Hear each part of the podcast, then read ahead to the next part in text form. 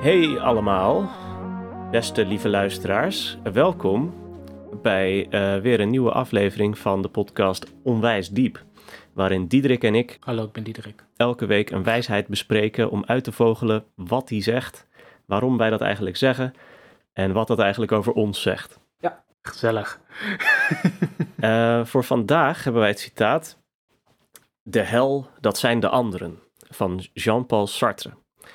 En uh, nou, waarom gaan we het daarover hebben? De hel, dat zijn de anderen. Het klinkt lekker edgy. En volgens mij was dat ook mijn eerste encounter met dit citaat. Uh, ik zat in de eerste klas, toen had ik een aardrijkskundeleraar, meneer Blommestein. En die had een zwart t-shirt met daarop alleen maar in de witte letters de hel, dat zijn de anderen. En uh, ik heb dat zien staan. Ik dacht, waarom zou je dat zeggen? Wij zijn, wij zijn hier allemaal andere mensen uh, in de klas. Vind je ons vervelend? Het deed me ook een beetje denken aan dat verhaal van Bind, geloof ik. Die, zo'n uh, oud verhaal over een klasseleraar die dan één klas heeft die de hel heet. Ik denk dat het daar misschien een soort verwijzing naar was. Maar nou goed, mooie tijd om eens een keer uit te diepen wat, waar het eigenlijk vandaan komt en of we het er eigenlijk mee eens zijn. Uh, Jean-Paul Sartre leefde van 1905 tot 1980, is een Franse filosoof en een van de grondleggers van wat we tegenwoordig kennen als het existentialisme. Uh, en dat is een filosofie, uh, existentie zegt het al een beetje, dat focust op het bestaan. en dan met name om, op het bestaan van wat wij eigenlijk zijn als mens. Van wat doen we hier eigenlijk, wat is de zin van het leven? en het existentialisme geeft daar vooral de invulling aan, het leven heeft geen objectieve zin, er is geen God of iets dergelijks. Uh, maar jij moet zelf die zin of die betekenis daaraan geven. Jij bent de keuzes die je maakt. En die keuzes, daarin ben je volledig vrij. Uh, en dat valt wat te begrijpen vanuit de historische context waarin Sartre schreef. Het existentialisme wordt vaak geïnterpreteerd als soort tegen de burgerlijkheid of tegen de burgerlijke moraal. Uh, en na de Tweede Wereldoorlog is het natuurlijk niet zo heel gek dat er een filosofie ontstaat die meer op de individuele verantwoordelijkheid om zelf keuzes te maken focust dan uh, op uh, de kuddegeest of waar het allemaal heen moet met de mensheid. Dus daar zet het zich echt tegen af. En dat zie je dus terug in Sartre's filosofische werk, maar ook in zijn literaire werk en in zijn toneelstukken. En dit citaat komt dus uit het stuk, het heet We Clos, als ik dat mooi in het Frans zeg, met gesloten deuren in het Nederlands, waarin een man in de hel terechtkomt na zijn dood. En die hel ziet eruit als een soort salon en daar is niet zo heel veel aan de hand. Uh, dus hij vraagt zich al af van waarom zijn hier geen martelwerktuigen of uh, vuur. Um, maar wat gebeurt er? Uh, in de loop van dat stuk komen er steeds personages bij die allemaal een heel ander leven hebben gehad en allemaal hun eigen trekjes en bedoelingen en manipulaties hebben, een eigen interpretatie van de wereld. En dat komt er in feite op neer dat zij allemaal met elkaar aan het ruzien raken. Uh, de een probeert de ander te verleiden en weer iemand is daar jaloers op. En in dat stuk wordt door een van de personages geroepen: de hel, dat zijn de anderen. Uh, en dat wordt dus ook vaak geïnterpreteerd op een manier van: uh, in de ogen van de ander word jij geobjectiveerd. Er is niemand die jou ziet zoals jij echt bent, maar jij wordt altijd. Jij komt als een object naar voren in het leven van de ander. En daardoor word jij nooit als het ware helemaal de vrijheid gegeven die jij eigenlijk uh, zelf zou willen hebben. Uh, Diederik, je had het opgezocht. Uh, op Philosophy Magazine kan je het zo lezen. De ander ziet je altijd als een bepaald persoon met bepaalde eigenschappen, terwijl de keuze juist de mogelijkheid biedt om jezelf opnieuw te bepalen. En volgens Sartre is dit de reden waarom anderen altijd een last zijn, want ze maken je tot een object. en ze zien je niet als een, als een open als het open mens dat je eigenlijk bent. Ja. Uh, dus laten we eens, uh, aangezien jij dat al hebt aangedragen, laten we eens beginnen met uh, wat vinden wij er eigenlijk van? Ja, om te beginnen, je ziet, je hoort dit ook wel veel om je heen, hè, van um, mensen willen niet geobjectiveerd worden. Dus dit ja. is in die zin ook nog steeds heel actueel, ook als kritiek. Ja. En het gaat dan inderdaad erom dat, je, dat mensen zich daardoor beperkt voelen in hun vrijheid. En ik dacht daarbij uh, dat die, uh, ja, het, het, het, vrijheidsbegrip dat daarin dan centraal staat, is eigenlijk een, uh, een negatieve vrijheid. Dus het idee is, ik ben in principe vrij, maar dan komen de anderen en die sluiten me op of zo, of die beperken ja. me. Die, um, maken me steeds iets minder vrij. Ja, daar kun je verschillende dingen over zeggen. Ehm, om te beginnen, klopt dat? In hoeverre sluit de perceptie uh, van de ander, de, de, de manier waarop de ander jou waarneemt, jou op of perkt hij jou in in jouw vrijheid? En, en daarbij kun je je afvragen, kan die, um, die, die manier waarop je gezien wordt jou ook niet juist bevrijden? Is de blik van de ander alleen maar een soort um, gewelddadig middel? Iets dat jou uh, dwars zit? Of, mm-hmm. En is het eerlijk om dat alleen maar op die manier te benaderen? Of is dat heel pessimistisch? Ik geloof dat Sartre daar wel eens van beschuldigd is en het zelf altijd ontkende dat hij pessimist was. toch? Ja, ik weet niet. tenminste, dat, dat weet ik eigenlijk. Nou ja, het lijkt, Sartre is wel, zeg maar, de originator van het stereotype filosoof dat over de zinloosheid van het bestaan neuzelt terwijl die een zelfgedraaid sigaretje rookt en een zwarte kooltrui draagt, zeg maar. Dat is, uh, dat is het, het typische beeld. Dat associëren we met cynisme of met uh, ja. pessimisme. Maar als die persoon zelf zou die natuurlijk zeggen: nee, ik ben helemaal niet negatiever aan het uitleggen dan het eigenlijk is. Dit is hoe het eigenlijk is. Right. Ja, precies. Maar goed. Um, ja, maar wat, wat vind jij? Heb je het idee van uh, ik word uh, door anderen ingeperkt? Of, uh, ja, ik, ik, herken dat wel. En ik denk dat dat iets is wat veel mensen wel, wel zullen herkennen wanneer je zegt, nou, de blik van anderen um, beperkt jou, omdat we toch vaak een bepaald idee hebben van wie we zelf zijn. En dan gefrustreerd raken wanneer we merken dat andere mensen ons niet zo zien. Of dat, dat, uh, ja, dat we ons in een soort hokje gestopt voelen. Dat is ook iets wat je heel vaak hoort in, uh, mm -hmm. in culturele gesprekken over identiteit. En, uh, en ik ken dat ook wel van mezelf. toen ik um, op de basisschool zat, dat ik een, een bril had en slim was en daardoor gecategoriseerd werd als de professor. En zo werd ik ook dan genoemd. Ja. En dat, ja. dat soort dingen bepalen bijvoorbeeld ook hoe je met wie je vrienden kan worden en met wie je dan op het schoolplein mag praten. En ik, ik, ik kan me wel herinneren dat ik daar ook me beperkt door voelde, omdat ik graag met iedereen wilde praten. En uh, af en toe bij ja. verschillende groepjes willen rondhangen. Ja. Um, overigens geloof ik dat ik dat uiteindelijk ook wel deed. Maar het zat me wel dwars dat ik dan altijd moest bewijzen dat ik. Dat je meer was dan cool alleen was. maar je, het stickertje. Ja. Precies. Ja. Uh, en ik geloof ook wel dat dat me heel erg heeft gevormd of heeft geleid of gedreven in mijn, in mijn puberteit. Van dat ik wel vaak probeerde hmm. om een soort statement te maken. Dat ik ook wel de, de eerste klas zo inging met een idee van: ik ga niet weer aangezien worden voor nerd. Ik moet, ik moet uh, duidelijk maken hmm. dat ik, uh, weet je wel, dat ik meer ben dan dat. Dus in die ja. zin, ja, herken ik dit. En waren, zijn de anderen ook voor mij wel eens hebben wel eens als de hel gevoeld. ja, ja, anderen die plaatsen je in een toch wel, eh, ook maar omdat ze je leren kennen en nog niet zo goed kennen, dat ze een soort shorthand voor je bedenken van, nou ja, dit is wat we ongeveer van jou kunnen verwachten. Je, bent, je hebt een bril, ah, dan is het leuk om het stickertje nerd of professor erop te plakken. Ja. En jij hebt daar vervolgens niks over te zeggen. En dat is dan, uh, voelt dan een soort dwingend of zo. Ja, en al, al ben je dan ook wel, uh, voor, of tenminste, ik werd me er dan ook wel uh, geleidelijk aan van bewust dat ik dat natuurlijk zelf ook doe, dat iedereen dat doet. Dat het ook een hm. beetje misschien voortkomt uit onze um, beperkte cognitie of beperkte bandbreedte. Van dat je, ja, ik bedoel, je, je beweegt je door een heel ingewikkelde, complexe wereld. En dan zie je mensen en dan, ja, wat je automatisch Plak je stickertjes op, ja, Precies. natuurlijk. Dat is hoe we, hoe we overleven. En ik denk ook, ik bedoel, ik wil niet evolutionair gaan praten, maar wel wat ons soort van, uh, uh, ja, misschien niet suc ja, succesvol maakt als wezen, of in ieder geval een deel van onze manier om te overleven. Dat we heel snel dingen kunnen identificeren en dat we ons uh, snel kunnen oriënteren in een ruimte. Maar ja, in een, in een, in een sociale context onder de mensen uh, kan dat je natuurlijk ook in de weg gaan zitten. Ja, God, ik, ja. Het klinkt echt heel, het klinkt heel evolutionair. Ik hou helemaal niet van dat soort verhalen. Maar blijkbaar ben ik daar toch wel gevoelig voor. En uh, weet je wat? Ik, ik ga er gewoon Nerd. voor. Ja. Said it, meant it, here to represent it. Ehm, want wacht even, want eh, je zegt van ehm, evolutionair is het handig om als het ware snel te kunnen oordelen of iemand betrouwbaar is, bijvoorbeeld. Of iemand jou gaat bestelen, of iemand jouw vriend is, of dat jij lijkt op iemand anders of niet.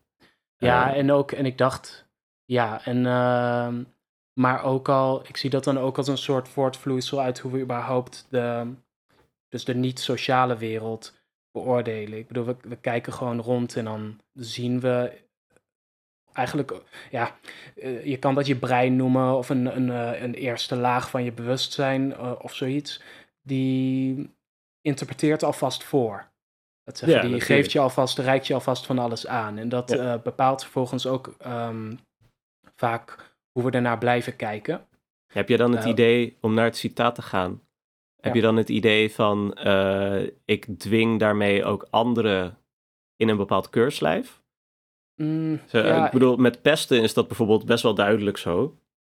Maar niet iedereen pest. Dus om dan te zeggen, de hel, dat zijn de anderen, vind ik een beetje generalisatie van, van pestkopperij, zeg maar, die niet, waar niet iedereen zich schuldig aan maakt.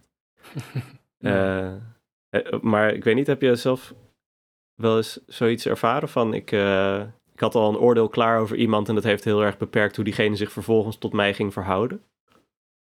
Mm, niet bewust, maar nou, het is lastig, omdat het zich natuurlijk allemaal bevindt, zo'n beetje op die, in dat schemergebied tussen eh, wat mensen van je denken en hoe ze zich naar jou toe gedragen. En Sure, hoe jij denkt dat zij over jou denken en hoe Hmm. jij hun gedrag interpreteert. En dat is een. eh, eh, en dat vind ik ook heel lastig hieraan. Dat maakt het ook moeilijk om, om er iets soort van definitief over te zeggen. Ja. Ehm, Dan, zou, dan zouden we in die zin Sartre als een pessimist kunnen bestempelen, omdat hij ja, eh, eigenlijk uitging van zijn eigen idee dat andere mensen over hem denken dat hij maar een object is, zeg maar. Ja. Zoiets. Ik begon natuurlijk met, oké, we ehm, labelen de wereld al automatisch, maar ik geloof ook niet dat we daar aan vastzitten. In ieder geval dat we niet ehm, ver- altijd vastzitten aan hoe andere mensen ons, ons zien en hoe andere mensen ons categoriseren. Uh, Mhm. Dan kun je natuurlijk gaan kijken naar de hele maatschappij als geheel en dat er bepaalde kenmerken zijn op basis waarvan je veel onwrikbaarder wordt gelabeld. Ehm, dus dat wil zeggen, labels of percepties waar je niet aan kunt ontsnappen. En dan heb je labels waar je wel misschien iets aan kan doen. Waar denk je dan aan? Nou, ja, natuurlijk de, de grote thema's als gender, ras en hoe die toch ja, vormen hoe, hoe mensen gezien worden. Aan de andere Ja. kant vraag ik me wel af, wat ik een belangrijke vraag vind daar, is of dat dan fundamenteel anders is dan labels die, wel, die je wel zelf in de hand hebt. Want ja, Je, jij kan contactlenzen nemen en dan ben je niet langer de professor. Maar je kan niet een, eh, en dat moet je ook niet willen, dat je je huidskleur laat aanpassen, zodat je minder opvalt of zo. Ja, ik, geloof, Ja. ik heb het idee dat, eh, eh, je zegt bij sommige dingen kun je er niks aan veranderen. Ik heb het idee dat je sommige van die beelden, som- sommige van die stickers, bijvoorbeeld eh, bij huidskleur of bij gender, dat dat gewoon iets is wat je bij iedereen op een bepaalde manier tegenaan loopt. Of bij, bij iedereen, bij, bij bijna iedereen in de publieke ruimte voel jij je gezien als eh, man of vrouw of als eh, zwart of wit. Dus je kan dan dat heus wel veranderen in één op één interacties. Dan kan je zeggen, hey, eh, wij hebben elkaar beter leren kennen. Op basis van wat ik verder van je heb gezien, heb ik mijn vooroordelen enorm aangepast.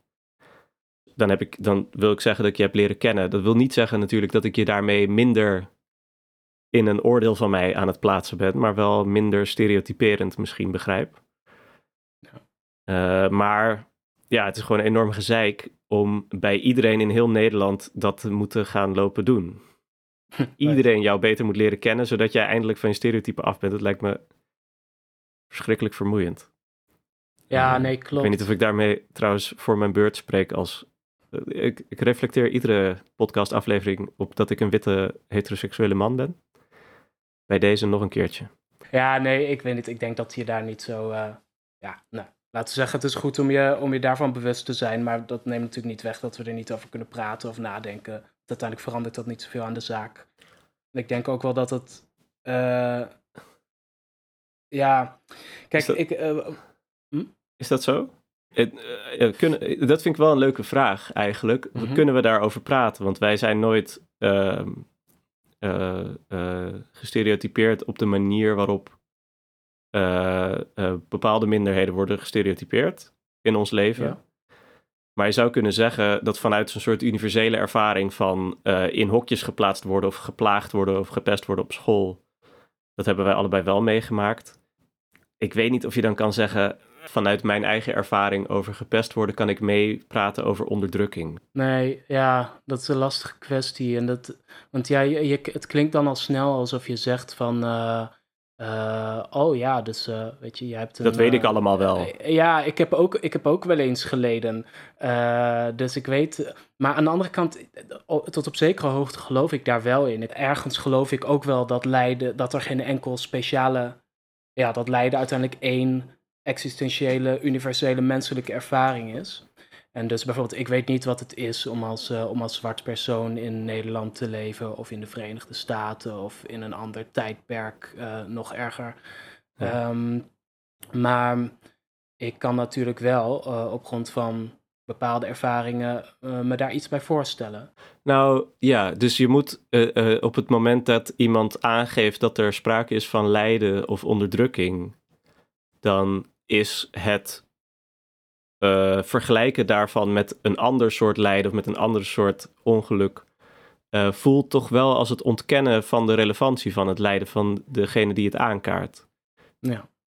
En, eh, en, en je zou kunnen zeggen, mensen die lijden aankaarten, die kunnen rekenen op een reactie van mensen die zeggen, hey, maar mijn lijden wordt ook niet erkend of zoiets. Interessant is dus wel, want dit is wel mooi hoe we hierop uit zijn gekomen, het idee dat, we- dat de, de anderen de hel zijn, eh, blijkbaar hebben we ook anderen nodig om ons te zien. Om te zeggen, hey, eh, ik, ik zie dat jij dit probleem hebt. Of ik zie dat jij hard werkt. Eh, ik denk dat de onvrede van de mensen met de vinkjes ook komt uit het... Uit, laat ik het zo zeggen. Omdat ik bijvoorbeeld, als ik een compliment krijg van iemand, enorm eh, kan opleven. Dat, dat het me e- enorm veel goed kan doen. En dat ik me ook kan voorstellen dat je... Of ik ken mensen, ik heb periodes in mijn leven gehad waar je nooit complimenten krijgt voor hoe hard, ook, hoe hard je ook het idee hebt dat je je best doet. Eh, dat je nooit erkenning krijgt voor je harde werk of voor je, eh, dat je er mag zijn of dat je erbij mag horen. Eh, en ik heb het idee dat eh, de hel, dat zijn de anderen, dat dat eigenlijk maar één kant van de munt, of in ieder geval hoe we het tot nu toe hebben besproken, dat dat maar één kant van de munt is van wa- wa- wat anderen voor je betekenen. Enerzijds plaats je je natuurlijk in een hokje. Anderzijds zijn dat ook de mensen van wie je dat kan krijgen wat je jezelf niet kan geven. Namelijk een soort eh, waardigheid. Ja. Of erkenning noemde ik het net. Want je, en, weet je wat gek is? Je, je hoeft elkaar helemaal niet te begrijpen om te erkennen. Ehm, je, eh, je kunt zeggen, hey, ik zag dat je dit deed. Wat doe je dat tof? Zonder dat ik daarmee hoef uit te leggen dat ik helemaal precies weet waarom jij dat deed en met welke gedachten eh, eh, en welke achtergrond je allemaal daarvoor hebt. Ik kan gewoon zeggen, hé, hey, wat je deed was mooi. Of was Ja. leuk. Wat gezellig dat je er was. Zonder dat je, eh, zonder dat ik daarmee bijbedoelingen heb ook. Eh, zonder dat ik daarmee hoef te bepalen wie jij bent en dat in een hokje hoef te plaatsen. En zonder dat ik dat doe omdat ik eigenlijk bedoelingen heb met jou als object in mijn leven, zeg maar. Ik kan je heus complimenteren omdat ik dan denk van, oh ja, dan kan Diederik later weer iets aardigs voor mij terugdoen of zo. Eh, maar dat hoeft niet. En, en dat lijkt me ook dat dat de, de eerlijkheid van het compliment ondermijnt. Maar ik neem aan dat jij ook wel erop durft te vertrouwen dat ik je af en toe een compliment geef om het te benoemen. Om de erkenning te geven en niet om voor mijzelf iets te regelen, zeg maar. Ja, ik ben daarin geloof ik ook niet zo'n, ehm eh, zullen dat eens noemen? Misantroop of iemand die, eh, nou, het, het hoeft niet per se mi- misantroop te zijn, maar ik geloof ook niet dat, eh, ja. En misschien dat dit een leuk punt is om zo'n vraag te stellen als... eh, in hoeverre ben je dan eigenlijk zelf de hel? Eh, jij eh, refereerde daar net al een beetje aan toen je zei... dat, toen je het had over dat grijze gebied. tussen wat andere mensen over mij denken en wat ik denk dat andere mensen over mij denken en waar ik me dan naar ga gedragen. Want ik herken heel erg wat je zegt. van andere mensen zien mij vast als een nerd. En daar moet ik aan beantwoorden door bijvoorbeeld heel erg niet een nerd te zijn of heel erg coole dingen te gaan doen. Of juist, ik, ik word dan best nerveus. Ga ik mijn eigen image proberen te, te, onder controle te houden of zo. Terwijl andere mensen mij misschien helemaal niet als nerd zien. Eh, of in Ja. ieder geval, ja. Of je, of je zegt, eh, jongens, ehm, ik weet niet of ik hier iets over mag zeggen, want ik ben een witte man, weet je wel. Dat is natuurlijk ook op basis van een idee van hoe jij wordt waargenomen, waarvan je denkt, oh, wacht even, ik, ehm, ik moet wel oppassen met wat ik zeg, want er zullen mensen zijn die denken dat ik geen recht heb om hi- hierover te praten, omdat ik, weet je wel, eh, bijvoorbeeld te bevoorrecht ben of het te gemakkelijk heb. Eh, En even los van of dat terecht is, dat, misschien is dat een goed punt, maar ehm, jij eh, past wel een soort censuur toe, omdat eh, je, ja, ja, eigenlijk meer om wat je denkt dat andere mensen aan jou zien. Bijvoorbeeld Ja. omdat, eh, in dit geval misschien omdat al je vrienden over bepaalde thema's praten en dat je denkt, oh, dit is hoe mensen zoals ik worden gezien ehm, en hoe we worden beoordeeld. Dus ik moet extra oppassen dat ik hierover niet te veel zeg of niet te weinig. eh. Het, het klopt wel. Ik, eh, eh, op het moment dat ik net zei, ik ben een witte heteroseksuele man. Op het moment dat ik dat zei, dacht ik ook van, ja, identificeer ik me eigenlijk zo? Ben ik, kijk, eh, natuurlijk is het hele punt van privilege dat je het niet ziet. Precies. Ja. Eh, en, en dat ik dus, en, en dat eh, heb ik wel vaak genoeg mogen ervaren dat ik heel veel dingen niet zie. Zeg maar, als ik buiten mijn witte bubbel met, met die paar bruine vrienden die ik heb eh, praat, eh, dan merk ik dat zij heel veel dingen vertellen waarvan ik iedere keer moet reageren met, oh wauw, dat jeetje, dat wist ik helemaal niet. Ik heb dat echt nog nooit meegemaakt. Ik, eh, enzovoort. En niet alleen met, met zwarte mensen, maar ook met vrouwen die door de MeToo-campagne ineens zich gesterkt voelen om bepaalde dingen aan te kaarten, eh, die daarvoor als een soort grapje werden afgedaan. Eh, en eh, dus dan, dan klopt het dat ik, dat ik me eigenlijk niet, ik voel me niet heteroseksueel of zo of man per se. Ik ben gewoon Werner. Dus, dus het klopt dat ik, dat ik die, die, die identificatie aan mijzelf gaf vanuit dit is wat anderen misschien graag willen horen of dit is, wat- anderen willen zien. Of om inderdaad te laten zien, ik ben me bewust van de blik die sommige mensen van mij zouden kunnen hebben. Ja, Ja, want ik, ik kan me ook wel herinneren dat ik dat toen ik eh, zo'n tien jaar geleden meer inmiddels naar Amsterdam verhuisde.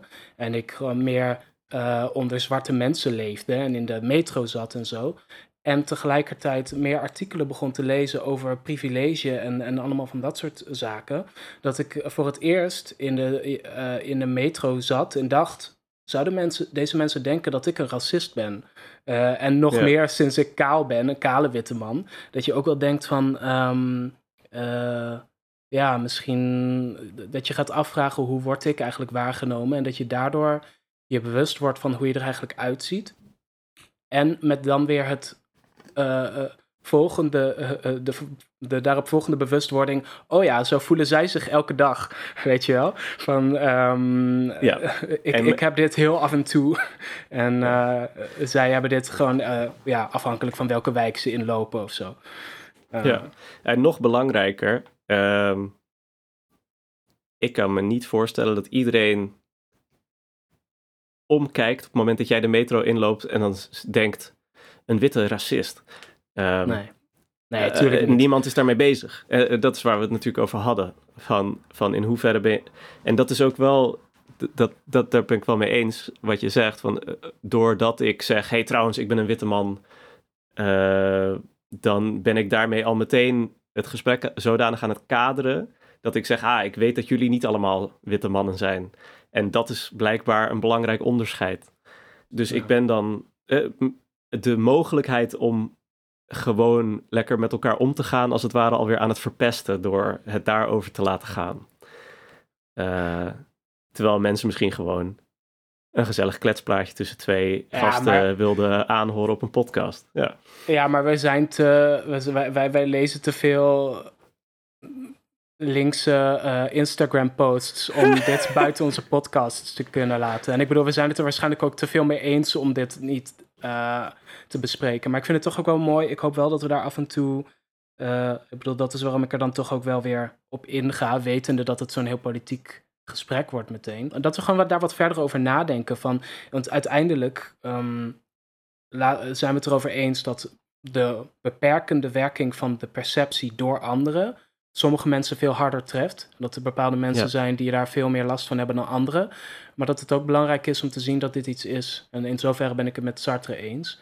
eh, dat dat iets is waar iedereen mee te maken heeft. En dus even zonder in dat spel van vergelijken terecht te komen van wie leidt er meer. Want ik geloof dat dat zien we het ook is iets wel. wa- wat we allemaal zullen herkennen in meerdere of mindere mate. Ja, Ja, en ik geloof dat dat, en dat is misschien een punt dat ik wel wilde maken van juist de kleine overeenkomst, dat we daar allemaal iets in herkennen, geeft ook weer een mogelijkheid eh, waarop anderen je juist, en het idee van de blik van de anderen je juist kan bevrijden misschien. Omdat je daardoor bevrijd wordt uit soort van je eigen beperkte sfeer, of de sfeer waarin, jij, waarin het voor jou vanzelf spreekt dat je bepaalde dingen bent en bepaalde dingen niet bent. Ja. Ehm, ja, ik weet niet, is, dat, is, dat, is het duidelijk wat ik daarmee probeer te zeggen?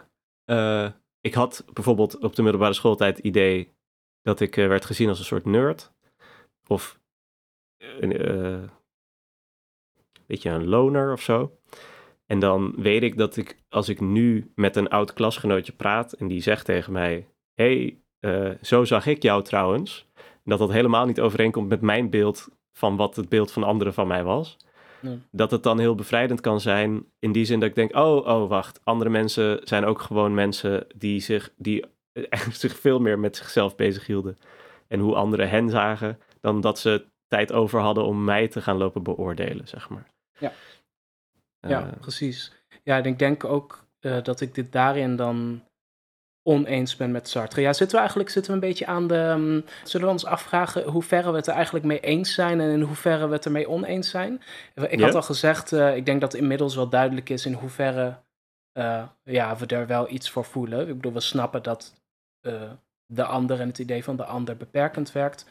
Ehm, anderzijds, ehm, in hoeverre zijn we het hier niet mee eens? Eh, in hoeverre, eh, ik denk namelijk eigenlijk op, op grond van wat je net zegt, dat de anderen de andere je evenveel kunnen bevrijden als beperken. Ehm, En dat jij, precies- zelf, dat jij zelf net zo goed de hel bent als die Ja. anderen. Ja. Ja, Ik, ik moet zeggen, ik ben positief verrast door hoe, eh, hoe diep dit bleek te zijn. Dus het klinkt zo heel plat en, en eenzijdig, maar het geeft wel een goede reden om. eh, het wijst wel op iets eh, heel wezenlijks, heb ik het idee. ja daar, ben ik het helemaal mee eens. Ik vind het ook, dit is zo'n op het eerste gezicht zo oppervlakkig als een citaat wordt. De hel, dat zijn de anderen. En dan blijkt dat daar toch best wel, eh, best wel veel onder zit, als je er even over nadenkt. Ja, ik, ik vond het wel ne- negen vadem. Negen vadem. Negen vadem diep. Ja. Eh, met de onderzeeër. Ik zou zeggen, voor diepgang eh, sluit ik me daarbij aan. Eh, als citaat op zichzelf ben ik het ermee eens. Ah, dan geef ik het toch meer een zes. Dan denk ik, volgens mij legt dit een nadruk waar ik het niet helemaal mee eens ben. Ik geloof dat de anderen niet primair de hel zijn. Het is niet waar. Nee, oké. Ja. Ehm, wat gaan we volgende week doen? Volgende week bespreken wij een, een klassieker van eh, onze Duitse vriend Friedrich Nietzsche. Alles wat mij niet doodt, maakt mij sterker. Mooi, Ik ben ik heb er benieuwd. zin in. Ja. Bedankt voor het luisteren. Hopelijk hebben we jullie niet afgeschrikt met onze politieke betogen. Tot de volgende keer. Doei. Doei.